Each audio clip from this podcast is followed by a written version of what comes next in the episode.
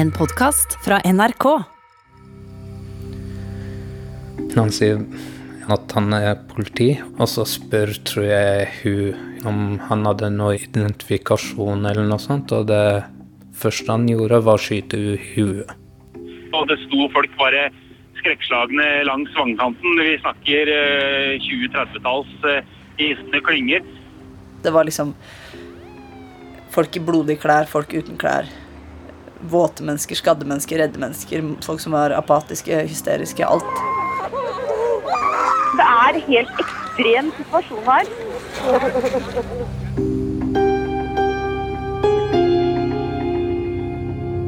Du hører på hele historien 22. juli av Kjetil Saugestad og Line Alsaker. Fjerde del Utøya etter klokken 17.59.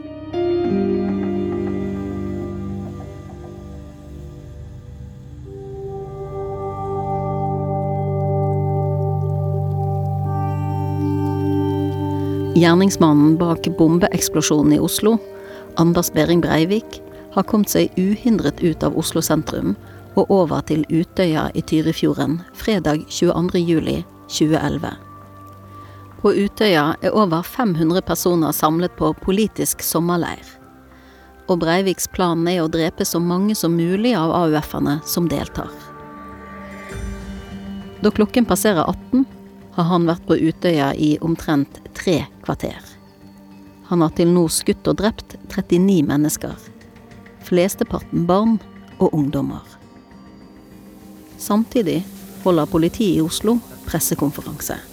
Jeg kan akkurat bekrefte at det har vært en episode på Utøya også nå. Da det kommer spørsmål om Utøya, flakker de med blikket. Eh, Det må vi komme tilbake til, og det vil også helt sikkert eh, Nordre Buskerud politidistrikt komme tilbake til. Vi har nå tett kontakt med Nordre Buskerud. Etter at samtalen med politiets nødtelefon blir brutt, går Breivik nå nordover på Utøya. Gjennom skogen, mot Stoltenberget og Bolsjevika. To steder han ennå ikke har vært. Sommeren 2011 har vært kald og våt i Norge. Og i den iskalde Tyrifjorden er det kjølige understrømmer. Flere er redde for å drukne dersom de prøver å svømme de 600-700 meterne over til fastlandet. Mange ungdommer gjemmer seg derfor blant trær og knauser. 19 år gamle Nicolas Dale Skjerping har sittet sammen med flere andre ved en odde som ligger like bortenfor Stoltenberg og Bolsjevika en lang stund. Så stopper skytingen opp. Nicolas blir urolig. Jeg får en følelse av at det går noen på en måte like over oss. Eh, Så jeg på en måte ber, uten å si noe, så peker jeg på en måte til folk at vi, må, vi må på en måte bevege oss herifra. Og så blir det liksom skutt ned mot der vi har sittet, og ned i, i steinene i vannkanten. Så dermed så deler den gruppen som er der, seg. Så beveger på en måte min del av gruppen seg bortover mot pumpehuset og videre bortover Kjærlighetsstien. Nicolas er helt sikker på at det lureste er å holde seg i bevegelse. Man kryper jo litt, man går huket. Altså du, du på en måte prøver jo bare å ikke være synlig. Sant? Det er litt som å leke en syk form for gjemsel. Det må å ikke bli sett, og så, så gjør man det som må til for å ikke bli det. Så. 19 år gamle Nikolas har kommet seg opp fra odden bortenfor Bolsjevika og går nå på Kjærlighetsstien mot vestspissen av Utøya. Hvis du følger Kjærlighetsstien hele veien rundt Utøya i vanlig tempo, kan du gå langs ytterkanten på 20 minutter. Og dersom du står på toppen av øyen, kan du se tvers over. Så liten er Utøya. Før vestspissen går Kjærlighetsstien like over pumpehuset, som er et grått lite skur laget av lekablokker, litt større enn en utedo. Vi er kanskje ti stykker. Pumpehuset står helt nede i vannkanten og er låst. Så de som gjemmer seg der, står ute, på baksiden av huset. Nicolas aner ikke hvor drapsmannen er. Og så er det jo mye folk nede ved pumpehuset, kanskje 20-25-30 stykker, som vinker oss mot de. At vi må komme på en måte ned og gjemme oss sammen med de. Men da har jeg på en måte bestemt meg for at jeg ikke skal sitte stille en plass mer. Jeg skal på en måte bevege meg. Før samtalen med politiets nødtelefon ble brutt, sier Breivik at han vil overgi seg. Men skytingen har startet på nytt. Det ligger åtte drepte ved Stoltenberget og Bolsjevika. Nå går Breivik vestover på kjærlighetsstien, i samme retning som Nicolas og de andre, kun et par minutter bak. Vi er en hel gjeng som fortsetter oppover, og så treffer vi en gruppe til som òg går langs Herlighetstien. Så plutselig er vi bare en, en lang rad med folk som går én og én etter hverandre på en smal, smal sti. Det er på en måte ingenting som tilsier at hvis det skjer noe nå, så kommer vi til å komme oss unna. Og så blir jeg tatt igjen av en kompis som helt åpenbart har sett mer enn jeg har på det tidspunktet. Og begynner å tenke på hvordan meg og han kan komme oss vekk fra dette her. Og så begynner de som går fremst, å plutselig gå utenom stien. Og jeg, jeg kan den stien ganske, ganske godt, så, så, jeg skjønner ikke hvorfor de plutselig går liksom oppi skråningen litt, og så ned igjen på stien lenger framme. Men når jeg kommer bort, så skjønner jo jeg på en måte at der ligger det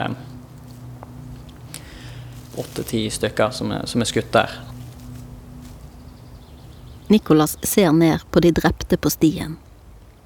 Den første han ser, er en jente han kjenner. Hun ligger på ryggen med øynene åpne, og det kommer blod fra hodet og magen.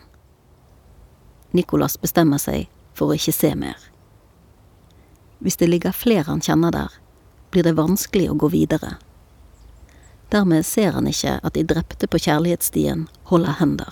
Så jeg snudde meg til han kompisen min og sa nå må vi bare ikke se ned. Nå må vi bare på en måte bare feste blikket på ryggen min, og så går vi bare videre framover. Samtidig så begynner jeg å lete etter et sted å komme meg av denne stien. fordi hvis så mange er blitt skutt på denne stien når de har beveget seg i fellesskap, så kan ikke vi drive og gjøre det òg.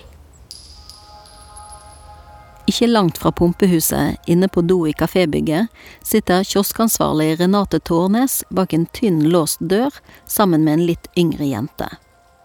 21 år gamle Renate har nettopp sett kjæresten bli skutt. Hun vet at han og en annen ligger der ute, foran hovedinngangen til huset. Det var da jeg, jeg kom på hva jeg hadde skjedd utafor kafébygget. Og jeg fikk det jo for meg da at liksom, ok, jeg må, jeg må, komme meg ut, for jeg må se hvordan det går med Snorre og med Kristoffer. Og det er jo det jeg begynner å sende meldinger om til mine foreldre på det tidspunktet. og Snorre er skutt, og jeg vet ikke hvordan det går med han. Jeg har lyst til å gå ut til han, og jeg skjønner at jeg ikke kan det. De som er inne i dobåsene, hører at det ligger folk som fortsatt lever, i gangen i kafébygget rett utenfor dodøren. Og du hører godt at det er folk som blir utafor. Det er liksom den der avmakta man føler når man sitter her og, og man hører hvor vondt folk har det. Og du har så lyst til å hjelpe, liksom, men du, du, du aner ikke hvordan du skal få det til, da. Fordi du, du får ikke deg sjøl til å åpne den døra, liksom.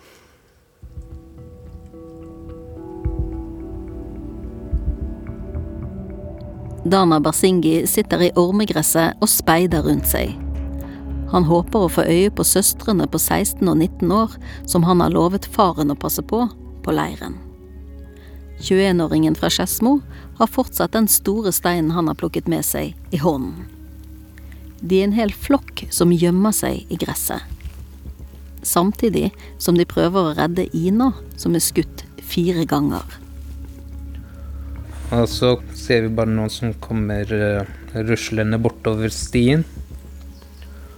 Og ja, jeg har sett nok politifolk for å vite at han uh, Uniformen hans så ikke ut som en politiuniform for meg, i hvert fall. Han går bortover, og så hører han lyder uh, fra pumpehuset. Breivik kommer langs kjærlighetsstien for andre gang i retning pumpehuset. Han går så rolig at det ser ut som om han bare går på tur. Da han hører lyder fra de som gjemmer seg bak huset, stopper han opp. Breivik sier at han er politi, at det kommer til å komme en båt, og at det er trygt å komme frem. Dana har lagt seg ned i gresset og ser at det kommer en jente frem fra pumpehuset og opp på stien. Og så sier han at han er politi, og så spør, tror jeg, hun, om han hadde noe identifikasjon eller noe sånt, og det første han gjorde, var å skyte huet. Og så var det en jente til på nedsida av henne, og så skjøt hun også i hodet. Og så ja, gikk han rundt hjørnet på pumpehuset. Da så ikke jeg han mer. Det var fylt seg opp med røyk derifra. Så vi lukta det, og vi hørte folk skrike, og ja. Og den lukta, den var vond. Og han skjøt og han skjøt, og jeg satt der med steinen og bare tenkte Skal jeg kaste den? Men jeg var altfor usikker på Jeg dreiv og skjalv, og jeg var usikker på om jeg traff. Bomma jeg, så ville han se oss. Dana tør ikke prøve å kaste stein på Breivik. Han blir liggende. Og så gikk han bare ruslende vidover, og hørte vi en jente skrike, og så en eller to skudd, husker jeg ikke helt nå. Og da ble jeg stille der òg, og litt sånn videre bort til kjærlesten. Og jeg eh, løper da ned til pumpehuset, og der eh, lo de over hverandre, egentlig, enkelte av dem første jeg gjør, er å gå til hun første jenta som ble skutt i huet. Og hun virka som om hun pusta. Altså, det jeg gjør, er å løfte hun opp. Og idet jeg løfter hun opp, så kjenner jeg bare at det blir litt sånn eh, klamt og vått på hånda. Det hånda jeg hadde under hodet hennes, og da tar jeg det bort, så ja, er det rester på hånda mi, og jeg veit ikke hva jeg skal gjøre med den, så jeg tørker den på buksa. Dana ser flere han kjenner blant de som nettopp er drept ved pumpehuset. Han fisker en mobil ut av lommen til en som ligger der, og prøver å ringe 113 etter hjelp, samtidig som han passer på en kamerat som er skutt i brystet. Han sier til meg, 'bror, bare gå, bare gå', og sier 'nei, jeg er her, jeg er her, jeg skal hjelpe deg', og så ringer jeg 113 fra operatøren på 113 får Dana beskjed om å gå og gjemme seg og gå fra de som ligger der. Men Dana har ingen planer om å forlate de som fortsatt er i live. Han nekter å gå fra pumpehuset. Ja, jeg var litt ufin i kjeften. jeg bare nei, ikke faen. ja. Og så står han Mohammed og bare 'bare gå, bror'. Ikke tenk på meg Jeg bare nei, nei, jeg er her, og så legger jeg bare på mobilen og bare prøver å Ja. Legge press på såra. Oh. Like ved er Breivik på vei mot vestspissen og klippene. Dana tenker ikke på gjerningsmannen, men konsentrerer seg om å hjelpe de skadde. Så ser jeg en båt som kjører forbi, så jeg prøver å vinke til den. Og han kommer nærmere øya. Er det litt sånn avstand mellom eh, der vi sto og båten, så Dana Basingi tar tak i båten. Og drar den opp. Og så vi ber folk å komme og Dana hjelper den skadde kameraten Ina og de andre han har gjemt seg sammen med i gresset om bord i båtene som kommer. Han blir ikke med sjøl, for han vil fortsatt leite etter de to lillesøstrene sine, og prøver å huske det siste stedet han så de. Ved pumpehuset ligger det 14 døde ungdommer. De som var skutt i bakhuet, de hadde åpne øyne, så det var uh, og de stirra rett på deg. Dana lukker øynene og hvisker trosbekjennelsen til de drepte, så de skal få fred. Ashadu.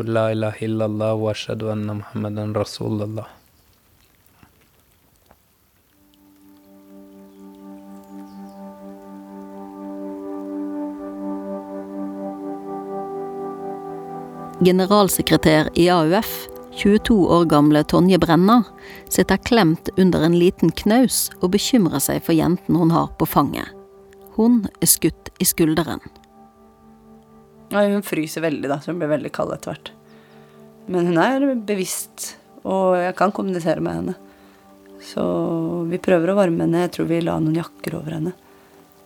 Men etter hvert så blir jo alle våte òg, for det regner sånn smått hele tiden. Så hun blir våte. Og så, og så kom, faller det jo ned en gutt etter hvert som er skutt i hodet. Som vi først tenker at er dør, men som vi hører lager lyder og stønner og okker seg etter hvert. Gjerningsmannen skyter ikke for å skade, men for å drepe. De fleste ofrene blir skutt minst to ganger, både i kroppen og hodet. Det skal komme frem seinere, etter medisinske undersøkelser. Vi var redd for alle lyder som kom. Og redd for alle lyder vi sjøl lagde, og redd for lydene for de som løp forbi. Eh, og redd for de som ropte på hjelp, fordi som sagt, vi visste ikke hva vi gjemte oss for, så jeg visste jo ikke om lyd var relevant. Men var, jeg ble redd av at han ropte.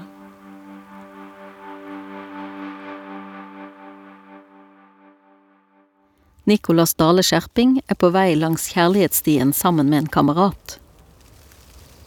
Ikke langt bak kommer Breivik. Nicolas tar en avgjørelse. Det er et eller annet i kroppen min som sier at dette her kommer ikke til å gå bra. Da finner jeg en sånn Jeg velger å kalle det nedgang fra denne klippen, men det, det er vel å ta litt hardt i, da.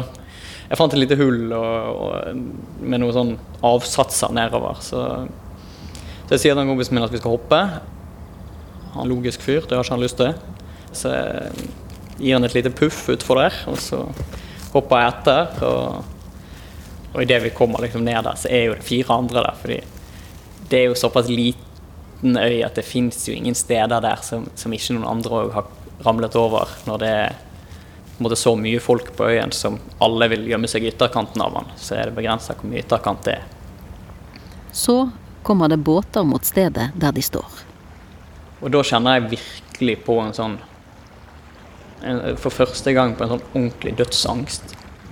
Nå har jeg ikke kontroll på situasjonen. Fordi jeg skjønner ikke hvordan jeg skal komme meg opp igjen til stien. Og hvis det viser seg at de ute i båtene òg er folk som skyter på oss, så er på en måte dette stedet jeg dør. Det, det er jeg helt sikker på der og da. Mens Nicolas vurderer om han skal ta sjansen på å svømme, løper en av jentene ut, vrenger av seg klærne og kaster seg i vannet. Så reiser hun seg opp igjen og sier åh, det var kaldt. Før hun svømmer videre. Det er sånn folk er. Så hun svømmer ut av denne båten her, og jeg, jeg er så nervøs for hva som skal skje. Og så blir hun plukket opp og får komme om bord i båten. Og da er det et eller annet oppi hodet mitt som sier sånn Dette er noen som skal hjelpe oss. Så jeg kaster av meg klærne og hopper i vannet, roper til de andre som skal svømme, og svømmer alt jeg kan. Nicolas svømmer under vann, nesten helt frem til båten. For nå skyter Breivik etter han og de andre. Nicolas kommer seg opp i båten, men da båtføreren snur for å komme vekk fra skuddene, blir Nicolas redd for at de andre, som fortsatt svømmer, ikke skal klare å holde seg flytende. Jeg husker han sa 'legg deg ned i bunnen av båten', så tenkte jeg meg sjøl at, at jeg skal ikke dø i fosterstilling i bokseren i bunnen av en båt. Eh, så i stedet så begynner jeg å ta gjenstander som ligger i denne båten som jeg tror kan flyte. Altså redningsvest og, og noen plankebiter og en isoporplate og sånn. Fordi hvis det er sånn at vi ikke kan plukke opp disse her folka, så må de få en mulighet til å kunne svømme videre.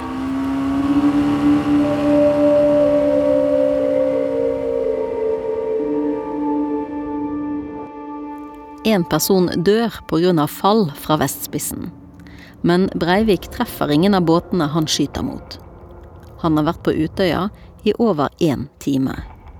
For Renate Tårnes som har låst seg inne på do, føles det som om tiden nesten står stille. Åh, det føles ut som du sitter her i en evighet. Det føles ut som tida ikke går i det hele tatt. Og på et tidspunkt så Altså, i starten så tar du jo innover deg alt, alle lyder, reaksjoner du, du tenker mer, men på et tidspunkt så blir det bare for mye, da. Og jeg husker Etter ei stund så bare gikk det opp for meg at jeg må på do. Og det ble det viktigste. Jeg klarte ikke å bry meg om noe annet enn at jeg måtte på do. Og det var jo et toalett der. Og hun jeg satt med, bare sa men du, du kan ikke gå på do. Du må ligge her. Og så bare, men jeg kan jo ikke tisse på meg, liksom. Spesielt ikke når det er et toalett der. Så bare, ja, men han kan høre det. Eller ja, det kan lage lyd. Du kan ikke gjøre det. Så bare, ja, men jeg stapp det full med toalettpapir. Og vi hadde Det føltes ut som lenge at vi hadde en diskusjon om jeg kunne gå på do eller ikke. Det endte jo med at hun klarte å overtale meg til å ikke gå på do, da. Etter skuddene ved Vestspissen ringer Breivik politiets nødtelefon for andre gang. Han har drept 62 mennesker på Utøya. Klokken 18.24 presenterer Breivik seg igjen som kommandør i den antikommunistiske norske motstandsbevegelsen mot islamisering av Europa og mot islamisering av Norge. Han sier at han har fullført det han kaller operasjonen, og sier at han vil overgi seg til Delta, politiets beredskapstropp. Telefonpolitiet. God dag, navnet er Anders Behring Breivik. Ja, hei. Jeg er kommandør i den eh, norske motstandsbevegelsen. Ja, hei. Kan du sette meg over til operasjonsleder for Delta? Ja, hvor kommer du inn, og hva gjelder det? Jeg er på Utøya. Du er på Utøya, ja. Jeg har fullført operasjonen min, så jeg ønsker å overgi meg. Du ønsker å overgi deg, ja. Ja. Hva var navnet ditt, sa du? Anders Behring Breivik. Og du var kommandør i Eh, Night Templar Europe heter organisasjonen. Men eh, vi er organisert i den eh, antikommunistiske norske motstandsbevegelsen mot islamisering av Europa og mot islamisering av Norge. Ja. Jeg har nettopp utført en operasjon på vegne av Night Templar, Ja. Europa og Norge. ja. Og med tanke på at operasjonen er fullført, så er det akseptabelt å overgi seg til Delta. Du ønsker å overgi deg til Delta? Kan du, over, kan du eh, overføre meg til eh, operasjonsleder for Delta? Ja, du, du snakker for så vidt med en som, som på en måte har overordna ansvar. Ok, Bare finn ut det du skal, og så bare ringer du på denne telefonen her. ikke sant? Men hvilket telefonnummer? Jeg har ikke det telefonnummeret. Hallo? Hallo? Breivik har sagt at han vil overgi seg, men legger ikke ned våpnene. I stedet går han mot sydspissen av Utøya. Der er det mange ungdommer både langs kanten og ute i vannet. Klokken 18.27 går første politienhet i land på Utøya. De hører skyting, men går først i feil retning, nordover.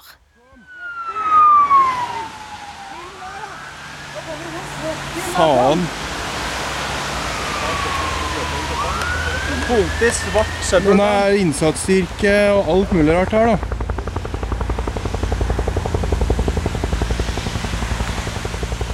200 meter over Utøya flyr et helikopter. I helikopteret er det verken politi eller redningsfolk, men en fotograf fra NRK. På grunn av avstanden ned til land ser ikke fotografen hva han egentlig har filmet, før seinere. Bildene skal gå verden rundt. De viser Breivik stående i vannkanten på sydspissen. Rundt han ligger det fem døde og flere skadde. Så går Breivik inn i skogen igjen. For andre gang går Breivik mot skolestua, der 47 mennesker har barrikadert seg. Vi vet eh, veldig lite om eh, hva som har eh, skjedd foreløpig. Jeg står på Sundvolden, på bensinstasjonen eh, eh, her like ved Utøya. Og Der kunne altså Brede Sand fra politiet i Hønefoss bekrefte at det hadde blitt løsna ett eller eh, flere skudd ute på Utøya, som altså ligger i, eh, i eh, Tyrifjorden. Dana Bersingi har latt båten med redningsfolk dra av gårde. Han fortsetter å leite etter søstrene. Dana sniker seg mot kafébygget, men på veien dit får han en følelse av at mannen med geværet går etter han. Så jeg løp mot fotballbanen i sikksakk mellom trærne. Og så kom jeg ut mot fotballbanen, og jeg tror at det er noen bak meg. Så ser jeg jo da Delta der som Det er to derifra som da trekker våpen og ber meg legge meg ned. Og jeg nekter å legge meg ned på fotballbanen. Det er for åpent der, og jeg hopper bortover mot gresset. Det er ingen bak han, men Dana er redd for å bli skutt i ryggen midt ute på fotballbanen. Derfor hopper han sidelengs inn igjen i skogen med steinen i hånden, istedenfor å legge seg ned. Jeg bare ikke faen, det er noen bak meg, ikke faen. ja. Et stykke unna fotballbanen, like ved skolestua, ser en annen gruppe fra Delta noen som rører seg i skogen. De kommanderer personen frem og gir ordre om at han skal legge seg ned. Det kommer en mann til syne, men han legger seg ikke ned. Istedenfor kommer han gående mot politiet mens han holder armene ut til siden. Mannen har et hylster med en pistol festet midt på låret. På overkroppen har han en vest med avlange pakker festet foran. Det går en hvit ledning fra vesten og videre opp langs armen. Beredskapstroppen gjør seg klare til å skyte Breivik. Eh, og i den konteksten vi nettopp har vært i Oslo, så tolker vi det som muligheten for at vedkommende kan ha en bombevest på seg. Jeg flytter uh, sikringsfløyen på våpenet mitt fra enkeltskudd til flerskudd uh, i den hensikt å få da en kort, rask byge uh, i hodet på han. Så ser politiet at ledningen kommer fra en iPod som går til øreproppene gjerningsmannen har på seg. Det skuddet hadde jeg ikke bomma på da, hvis jeg måtte, hadde måttet tatt det. Klokken 18.34 blir Anders Behring Breivik arrestert uten å sette seg til motverge. Breivik kaller politifolkene for brødre, og klager over et sår på fingeren. Han, som nettopp har drept 69 mennesker på Utøya, ber om et plaster.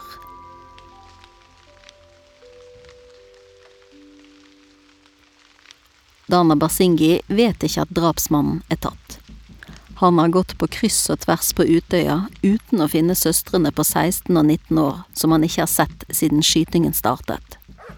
Nå følger han ordren fra politiet og legger seg ned, like ved fotballbanen.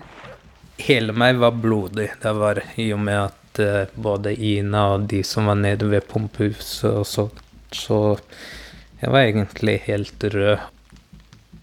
Så ligger jeg der, og de spør meg ja, hvor mange er dere? Og, ja, jeg tror de trodde jeg var en terrorist. da. Nei, jeg har, jeg har ikke gjort noe. Og så bare hvor er våpnene deres? Dana har ikke noe våpen. Han prøver å peke på steinen med hodet, mens han ligger på magen i det våte gresset. Så kommer det flere til fotballbanen fra politiets deltatropp.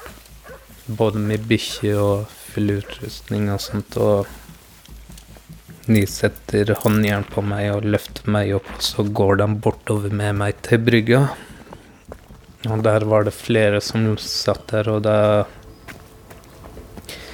har jeg fortsatt håndjern på meg og i bar overkropp og buksa, så de eh, driver og sjekker meg om jeg har noe på meg. De tar ned buksa. det var ikke nok, de tok ned bokseren nå. Nei, altså Fant de ingenting, så de tok opp bokseren igjen og sånt, og så husker jeg at det var noen bekjente nedfor der som hadde fått hjelp, og de bare 'Det er Dana'. Sjøl om politiet drar ned både buksen og bokseren til Dana uten å finne våpen, så fjerner de ikke håndjernene før de ser at Dana snakker med andre AUF-ere på båten på vei over til fastlandet. Så da kom jeg over til andre sida, og det var ei eldre dame som ga ut sånn plagg, egentlig. Klær og sånt, for det var veldig mange som ikke hadde noe på seg. Eh, jeg eh, tok ikke imot noe, men det var eh, Hun ga meg en klem. Hun ga sånn klem nesten til alle som kom, og det var egentlig kjempedeilig klem.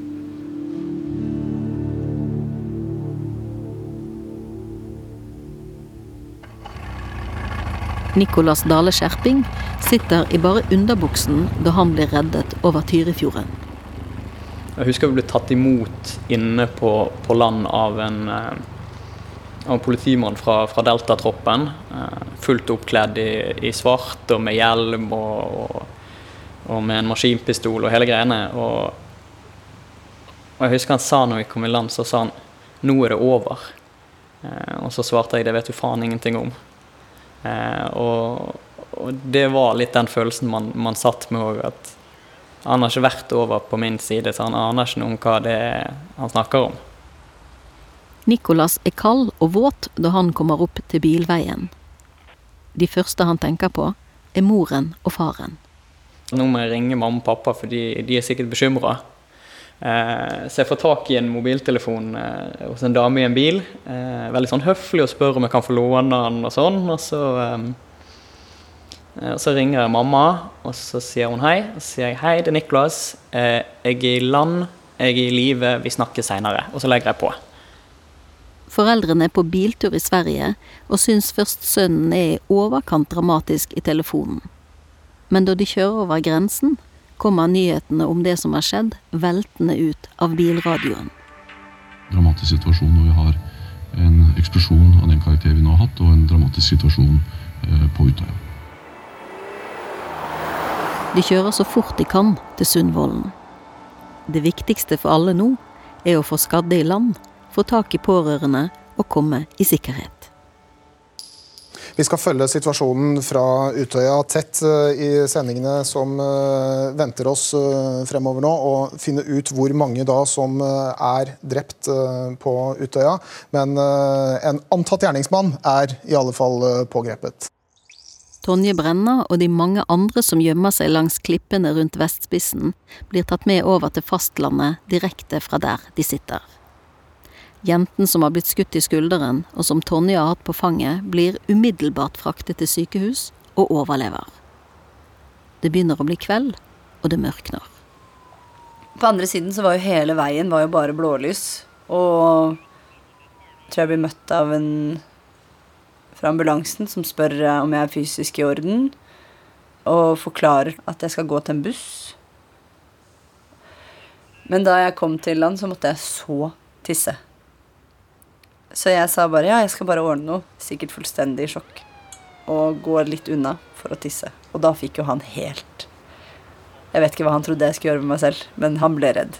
Så han løper jo etter meg. Og der var jeg på vei til å sette meg ned for å tisse i grøfta. Og han tar tak i meg og bare 'Jeg tisser på meg. Unnskyld.' Han bare oi. Ingen vet helt hva som har foregått. Det er mange rykter og spekulasjoner om hvem som står bak terroren. I tillegg blir ubekreftet informasjon sendt direkte på nyhetene. Når vi kom ut med fritidsbåt ut på øya, og da var det mange sårede og, og skadde som sto langs eh, vannkanten.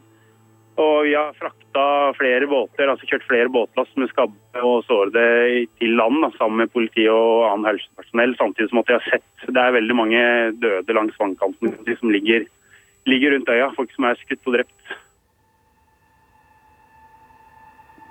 Renate Tårnes har gjemt seg på do i kafébygget på Utøya i nesten to timer. De har blitt skremt av lyder, og har ingen oversikt over situasjonen. Men etter hvert så, så hører vi jo at det,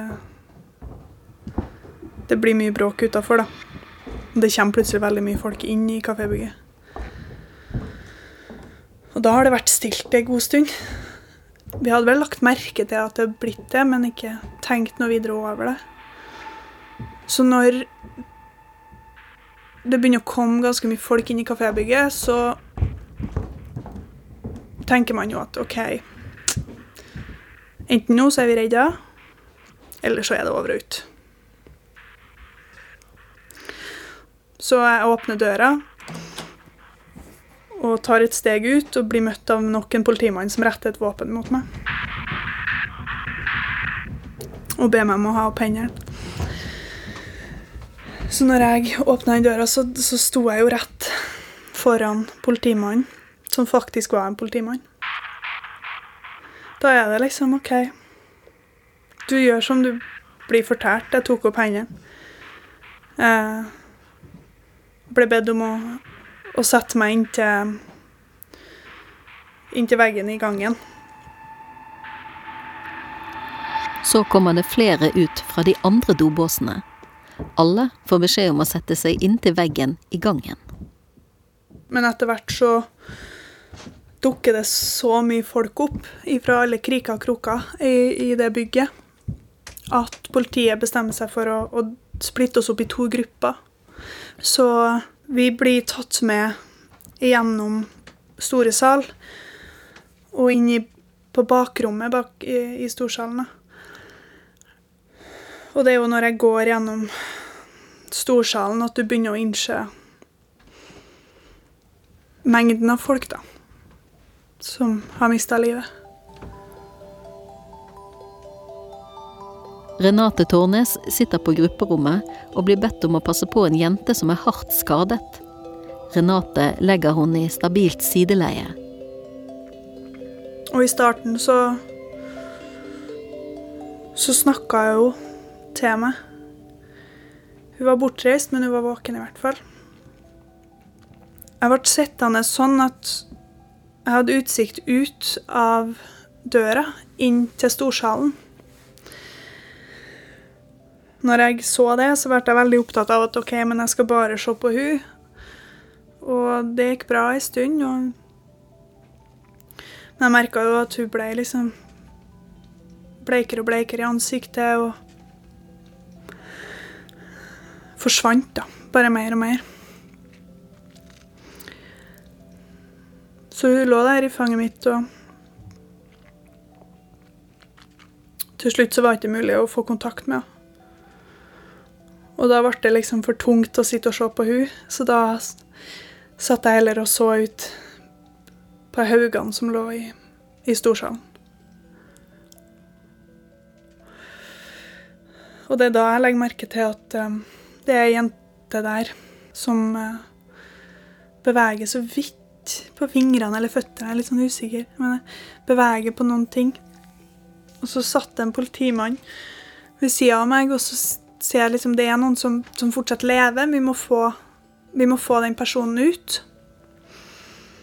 Og han kikker på meg med sørgmodig blikk, og så bare rister han rolig på hodet. Så jeg bare Hvorfor rister du på hodet? Vi må få ut den personen der. Altså, den lever. Og han lener seg fram, og så sier han at jeg har ikke sjans til å overleve. Og jeg blir så sint. altså, men hvis de, hvis de, lever, så må vi jo få det til, liksom.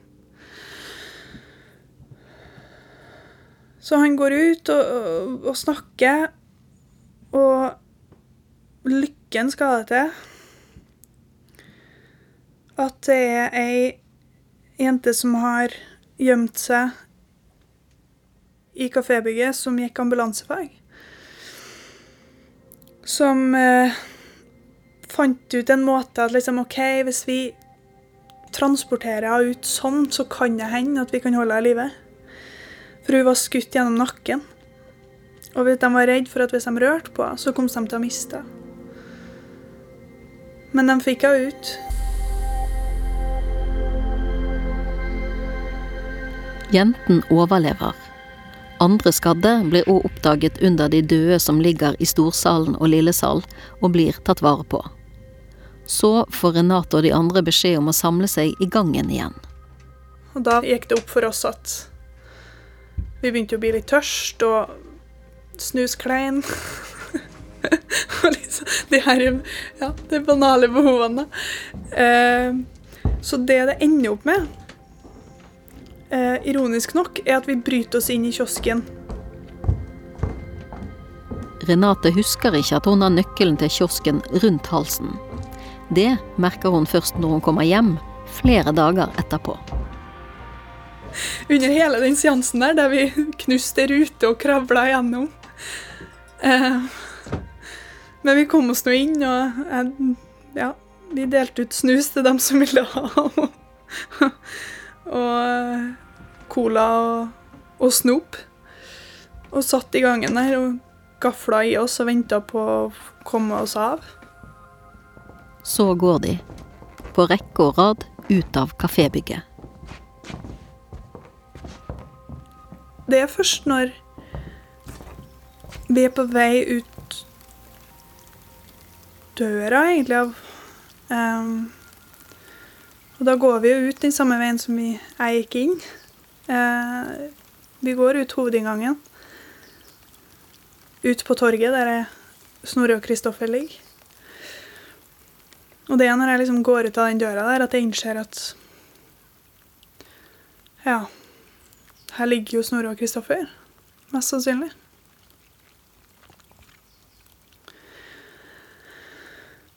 Og da er det ei som står bak meg, som, som tar imot, rett og slett. Når føttene svikter. Og holder meg. Mens vi går ned mot kai.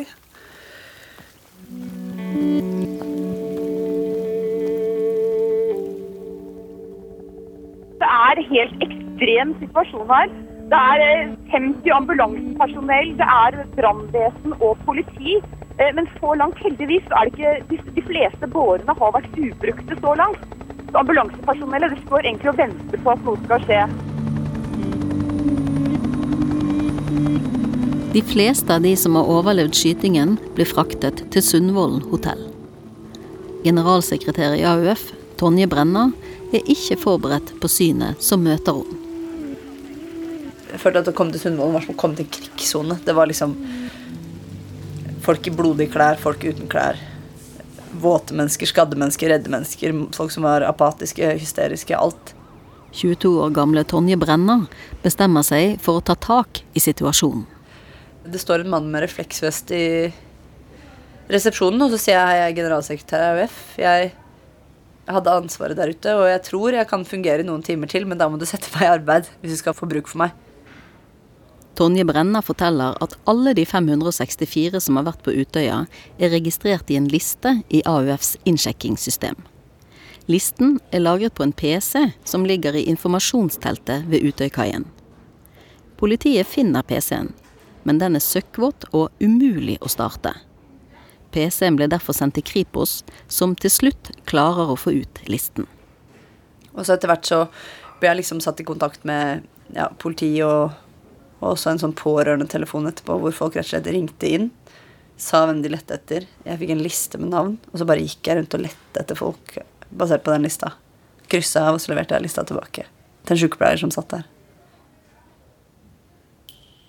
flere av de som er så kommet inn på båre fra Utøya, var ikke veldig gamle. Altså det er ungdommer ned i 13-14-årsalderen som er på, er på Utøya, eh, Utøya og Arbeiderpartiet sin eh, sommer, sommerleir for ungdom. Så, så her er det unge mennesker. Innimellom må Tonje Brenna ha en pause. Hun har ikke fått skiftet klær eller vasket seg siden hun sto opp samme morgen. Vi ble jo slitne og trøtte, og man blir ikke mindre redd av å være trøtt. Så etter hvert så skulle jeg prøve å dusje, for jeg var liksom, klærne mine var helt dekket av blod. da, Og da måtte jeg ha med en venninne i dusjen som bare måtte stå der. Og jeg klarte ikke å trekke ned i do, for jeg syntes det var for høy lyd. Dana Basingi har òg kommet til Sundvolden. Han finner den ene søsteren sin, 16 år gamle Hana, nesten med en gang. Hun har svømt over den iskalde Tyrifjorden. Han aner ikke om den andre søsteren, 19 år gamle Hajin, lever eller er død. Utenfor hotellet går han fortsatt rundt i den blodige buksen i bar overkropp. Og satt meg på benken foran der bussene kommer, og bare satt i regnet der. Og det var kaldt, og jeg bare sto og venta på buss etter buss om Hajin kommer med dem eller ikke. Så kom det en mann bort til meg og ga jakka si til meg. Satt jeg det med jakka, så gikk han. Og så satt jeg der og venta og venta og venta, og så tror jeg siste bussen Så kom Ajin ut. Dana løper bort til bussen og klemmer lillesøsteren. Ajin har overlevd ved å gjemme seg i en av dobåsene i kafébygget. Hun er like lettet som broren. Hun var like glad for å se meg, fordi hun, hun trodde at jeg hadde sikkert funnet på noe, kanskje angrepet han eller noe, blitt drept. Men det hadde jeg ikke. Faren til Dana har kjørt fortere enn de fleste til Sundvolden. Før familien skal kjøre hjem til Skedsmo, blir Dana intervjuet på parkeringsplassen. Den hvite jakken han har fått låne, skinner i blitslyset. Jeg ville bare finne søstrene mine. Jeg ville, ville ikke dra uten dem. 21 år gamle Dana Basingi får med seg begge søstrene fysisk uskadet hjem. Mange andre er ikke så heldige. Jeg har bestemt meg for at jeg skal sitte der og vente, for, for jeg skal være der når mine kompiser kommer. Nicolas Dale Skjerping vil ikke sitte inne på hotellrommet han har fått. Han vil heller sitte i foajeen og se hvem som kommer inn. Nicolas venter og håper på at de to kameratene fra hjemstedet Osterøy, Tarald og Tore, skal komme inn døren i live. Men jeg sovner på et eller annet tidspunkt ute i gangen der.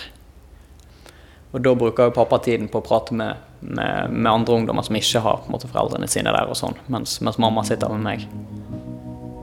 Men de to kompisene til Nicolas kommer aldri til Sundvolden. Begge to ble skutt og drept på kjærlighetsstien.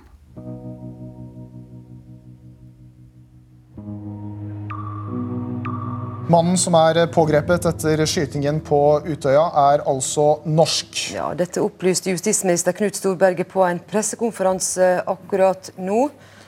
Og Politiet bekrefter for NRK at de mener det er samme gjerningsperson som står bak aksjonene i Oslo og på Utøya, men det er ikke mye informasjon man har foreløpig, sier Storberget. Så langt har vi fått opplyst at eh, syv er døde i Oslo. Eh, Ca. ti hardt skadd. Og at det er flere av våre ungdommer som har omkommet på Utøya. Og at flere også er savnet og skadd. Generalsekretær i AUF, Tonje Brenna, følger med på nyhetene utover kvelden 22.07. Hun tror ikke tallet på døde er riktig. Basert på hvem jeg hadde sett, hvor jeg hadde vært, hvem jeg ikke hadde sett, eh, ting jeg hørte på Sundvolden, så tenkte jeg da det kom på nyhetene om natta at eh, Jeg husker ikke hva tallet var først. Det fem, kanskje? Det var et veldig lavt tall først. Da tenkte jeg nei. Eh, så etter hvert så kom det jo noe informasjon om hvem som var borte eller ikke, men jeg husker, jeg husker den første liksom, antagelsen om at det var et eller annet antall personer som var skutt på Utøya. Da tenkte jeg det er ikke riktig. Det er mye høyere enn det. Så blir navnet på drapsmannen offentliggjort. Politiet tror 32 år gamle Anders Behring Breivik står bak begge angrepene. Han er etnisk norsk og driver et firma som driver med dyrking av landbruksprodukter. Ungdommene på sommerleiren på Utøya forteller om dramatiske timer mens den norske 32-åringen skjøt rundt seg på øya. Litt før fire om morgenen 23. juli holder politidirektør Øystein Mæland en pressekonferanse der han forteller om antallet drepte på Utøya. Og det vi vet nå, det er at vi kan si at det er minst 80 drepte på Utøya. Det som eh, Det sier seg selv at eh, dette er en eh, Gi noen dimensjoner til denne, denne hendelsen der ute, som er helt uh, eksepsjonell. Men det er skjedd en feil. Noen av de drepte på Utøya er talt to ganger. Antallet blir justert ned, og ender på 69 døde. Et uvirkelig høyt tall.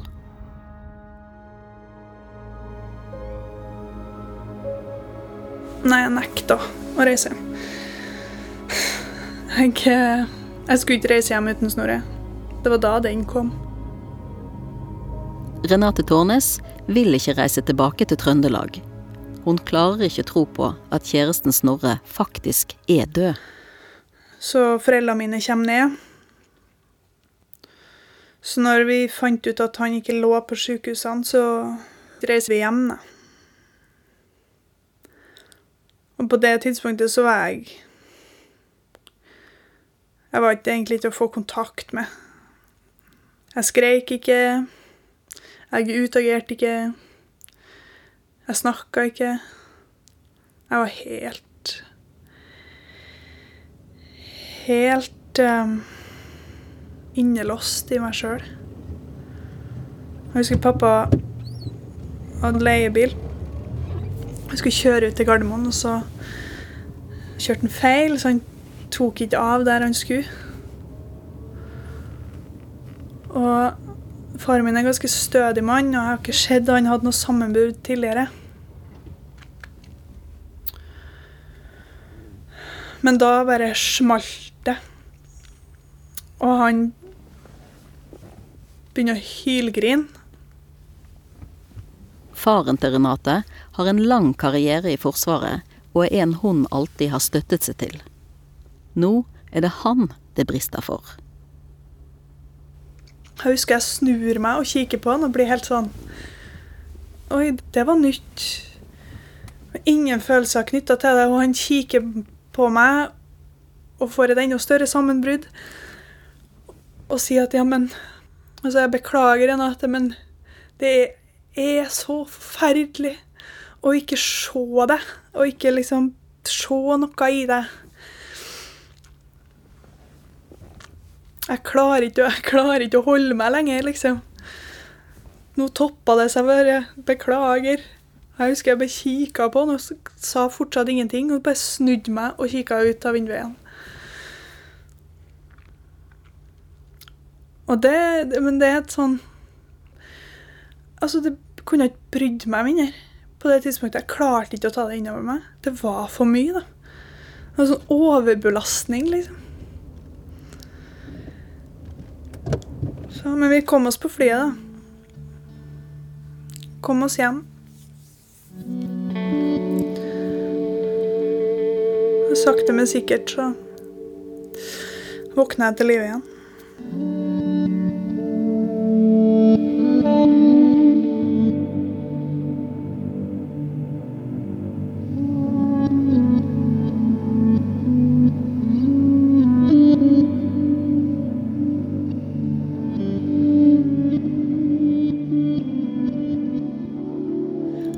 Har hørt fjerde del av hele historien om 22. juli. I neste del Jeg hørte skudd fra Utøya. Sånne enkeltskudd. Mange. Så hørte vi jo også på nyhetene at uh, ungdommer hadde kasta seg i vannet og lagt på svøm. Så snakket jeg med naboen vår på hytta, og hun spurte hva har dere tenkt å gjøre. Har dere tenkt å gjøre noe? Uh, så bare løp jeg inn til Helge og så sa jeg vi drar. Hele historien om 22. juli er laget av Kjetil Saugestad og meg, Line Alsaker. Research Kristine Næss Larsen. Og lyddesign ved Merete Antonsen.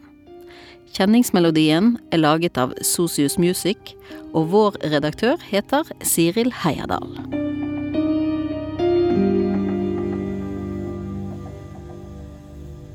Du har hørt en podkast fra NRK. Hør flere podkaster og din NRK-kanal i appen NRK Radio.